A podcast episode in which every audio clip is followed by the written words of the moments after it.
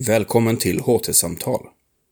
Karin Smirnoff Augusten-nominerades för sin romandebut Jag for ner till Bror. En bok som fick sin början när författaren gick på Författarskolan i Lund.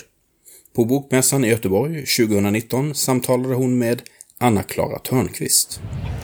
Varmt välkomna till den första punkten här i Lunds universitets monter idag. Det här tror jag nästan är publikrekord för vår monter den här mässan. Eh, och jag tror inte att det beror på mig, eh, utan att det beror på Karin Smirnoff som jag ska tala här med en liten stund. Vi är väldigt glada att du är här. Tack. Eh, och då kanske man undrar varför du är i LUs monter. Eh, ja, det kan man ju undra. det kanske du undrar. Det är ju så att du Karin gick på Lunds författarskola. ja, det gjorde jag. Som, Eh, jag skrev ju... Eh, jag från Göteborg skrev jag ju första terminen då. Och sen skrev jag, började jag skriva eh, mord då. Andra terminen så... För mig så har det liksom, det varit min ram på något sätt att vara där nere. Det har varit ju otroligt bra skola för mig. Som är ganska odisciplinerad person. Så att det att eh, låsa in sig i en utbildning har varit eh, bra. det är ju svårt att tro på det här odisciplinerade. Med, du har skrivit två delar på två år. Eh, på, Eller två... ja, jag skrev ju... Eller, Bror kom ut eh, 18. 18 och så ett halvår senare kom ju mor då. ett halvår sedan. Ja, så det Ja. gick ju väldigt, det har gått väldigt fort. Ja. Och så är det en tredje på gång. Ja, Ja. jag skriver trean nu. Ja. Eh, för er som inte vet så är det alltså så att Lunds universitet har en författarskola som alltså är en univers- konstnärlig universitetsutbildning, en tvåårig grundutbildning och sen kan man ju också om man inte debuterar med knall och brak som du har gjort så kan man ju fortsätta också på fördjupning och magisternivå. Ja.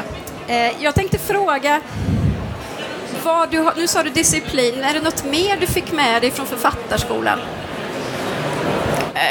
Alltså, den är ju eh, uppbyggd väldigt mycket omkring eh, textsamtal.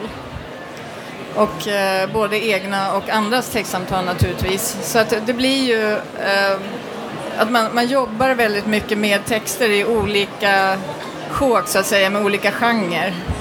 Och det är ju också att man kan, man kan leka lite grann med genrer och man kan eh, laborera. Och det, jag tycker att det är ett bra upplägg på så vis.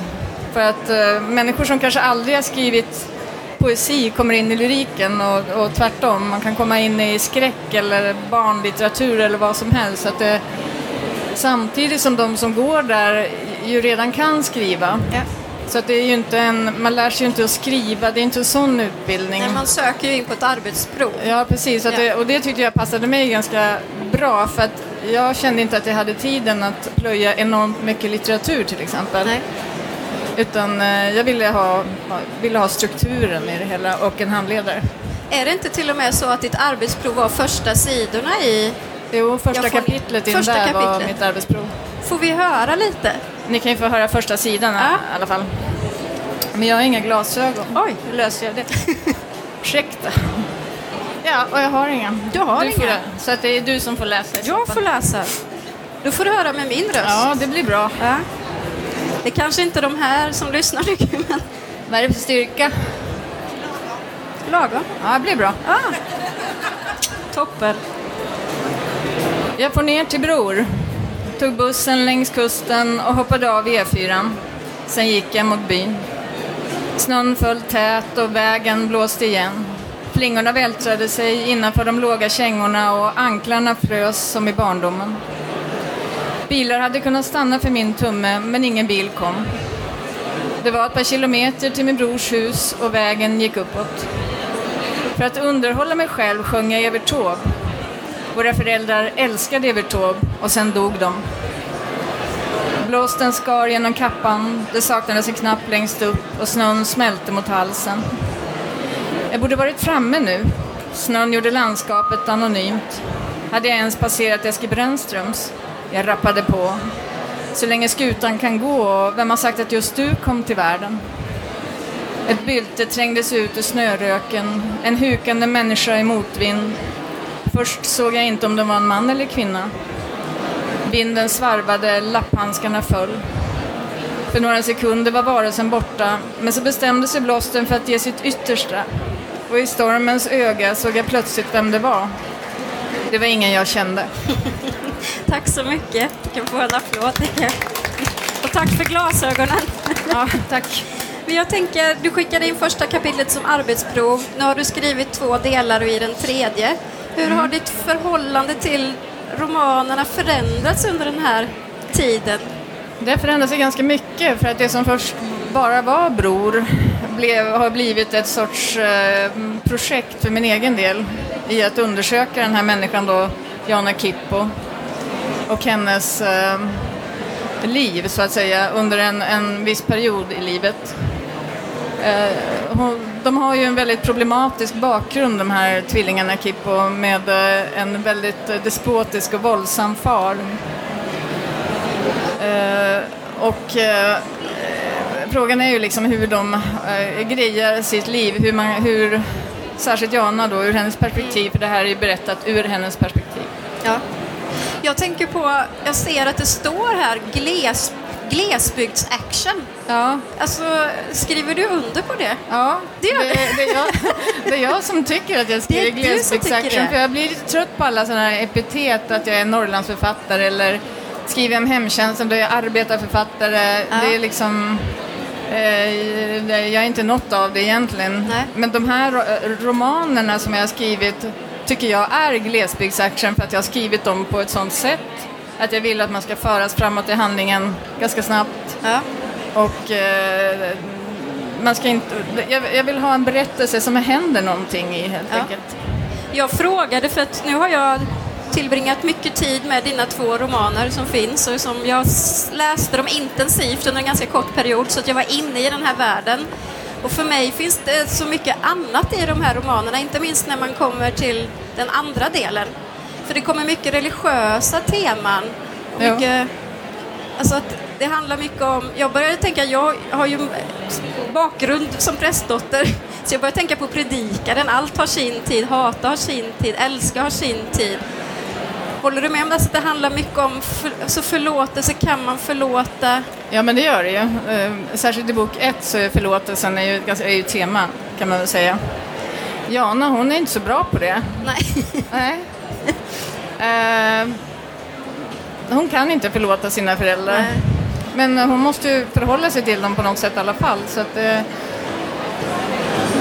jag vet inte, det har varit bara så otroligt intressant att gå in i hennes värld och låta, låta berättelserna vindla iväg. Liksom. Mm. Ja, det är ju mycket hennes berättelse. Ja, Men sen tänker jag också, jag kommer ju också från glesbygd, om än värmländsk. Alltså den byggs ju också mycket kring platsen och de människor som bor där. ja.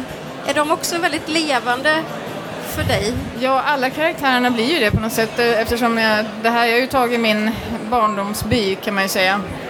Och så har jag tagit bort alla människorna därifrån och satt in nya människor där. Så det är inte så att jag skriver om någon levande Nej. person. Det är kanske viktigt att Ja, säga precis. det. Och, eh, det, här är, det är ju väldigt mycket våld i mina böcker. Ja. Våld och mm, eh, ja, incest och eh, missbruk. alkohol. eh, Väldigt mycket alkohol. Ja. Den flödar verkligen. Ja. Det finns nästan inte en sida utan... Nej. Och så heter jag ju Smirnoff också. ja, jag vet. det. Nej, men eh, visst, det är många sådana ingredienser. Men, eh, och det är klart att det här det är ju en fiktiv by. Det är väl osannolikt att allt det här händer i liksom, en by vilken som helst. Men samtidigt så är det ju här saker som händer precis överallt. Oavsett, det har ju inte med Norrland att göra eller glesbygd att göra utan det har med livet att göra. Visst, Ja. absolut. Och det är ju verkligen liv och vi får ju många levnadsöden. Det tycker jag också är en rikedom i romanerna. Att vi följer inte bara Jana, även om hon står i centrum, så får vi syn på så många andra Ja, precis. ehm, runt henne. För så är ju livet i byarna, att människor är synliga på ett annat vis än i städerna. Så det är klart att det är, det är en mycket enklare miljö att förhålla sig till än om jag skulle tagit ett kvarter i Stockholm och skrivit om eller Ja. någonting. Det, Ja.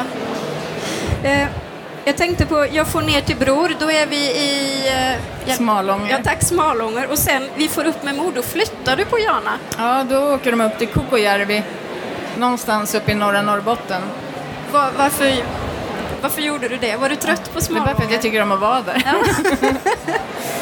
Eh, jag gillar norra Norrbotten, jag tycker det är fantastiskt att vara där uppe, alltid. Inlandet, eh, hela, alla de här norra regionerna. Har ni inte varit där uppe så åk dit, det är något helt annat än här nere. Ja, för det blir ju också en annan ton. Det här jag drog fram med det religiösa blir ju också mycket mer centralt i andra delen. Nej, men jag eftersom- ville ju egentligen skriva om lästadianism och effekten av den, för den breder också ut sig och ökar. Men jag hade inte riktigt tid att researcha och då kändes det orättvist. För att det är ju nog, det här är ju också påhittat och det är ett drama och det är en väldigt otäck pastor i central position. Flera otäcka pastorer Eh, egentligen. Ja, det är det ju också. Ja, just det. Ja.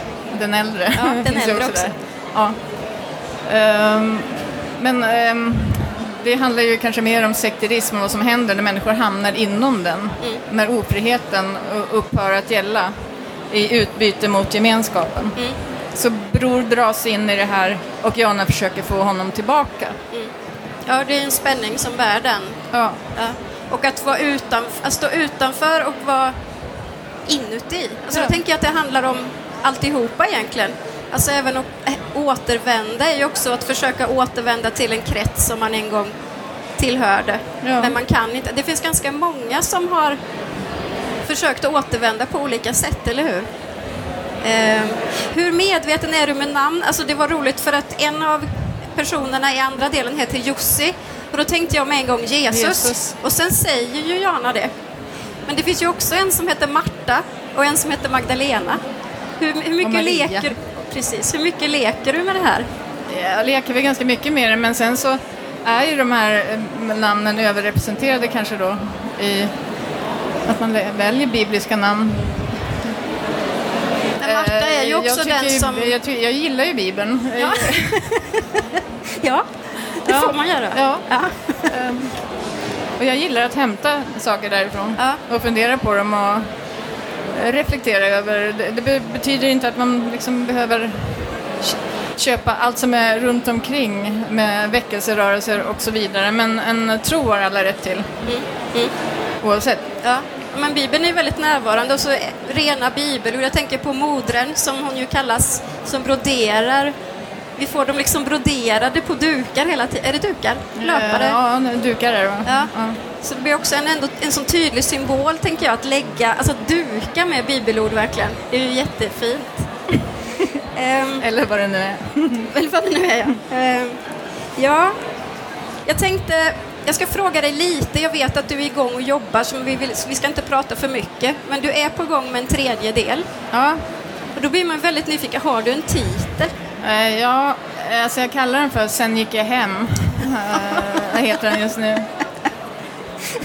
Jag vet inte om Den den, ska verkar ju heta funka det. Här. Ja, Ja. den, den heter så just nu i alla fall. Eh, och den har jag också, den gör precis som alla andra böckerna så drar den iväg i berättelserna på något sätt. Men eh, alltså jag kommer fram till att jag tror att det är en kärlekshistoria jag ska berätta. Ja. Jag, jag har lust att skriva en kärlekshistoria. ja, men det finns ju kärlek i de Ja, andra delarna Men jag också. tänker en mer balanserad kärlekshistoria som, är, vi får se om du kan som det. kanske inte leder till det destruktiva Nej. i, Nej. i relationen hela Ja. tiden. Utan en, ehm, ja, vi får se, men det är inte säkert Jana vill det. Nej. Nej, Jag det förstår. Man Ja. får känslan av att hon lever sitt eget liv som roman Ja, men det gör hon eller hur? Hon styr lite över dig. Styr mig väldigt Ja. mycket. Hon är ju ganska bestämd också. Ja. Ja. Ehm, jag tänkte som slutfråga, frå- jag vet att du har jag har gjort research och du har ju varit i oändliga intervjuer verkligen. Allt från tidningen Dagen till Lundströms bokradio och så. Är det någon fråga som du inte har fått som du skulle velat få kring romanerna? Nej. Nej. Nej, okej. Nej, då sätter vi väl punkt där Ja. helt enkelt och öppnar för kanske eventuella nya frågor Ja, här. precis. Eh, vi ger Karin en applåd först, tänker jag. Tack så mycket.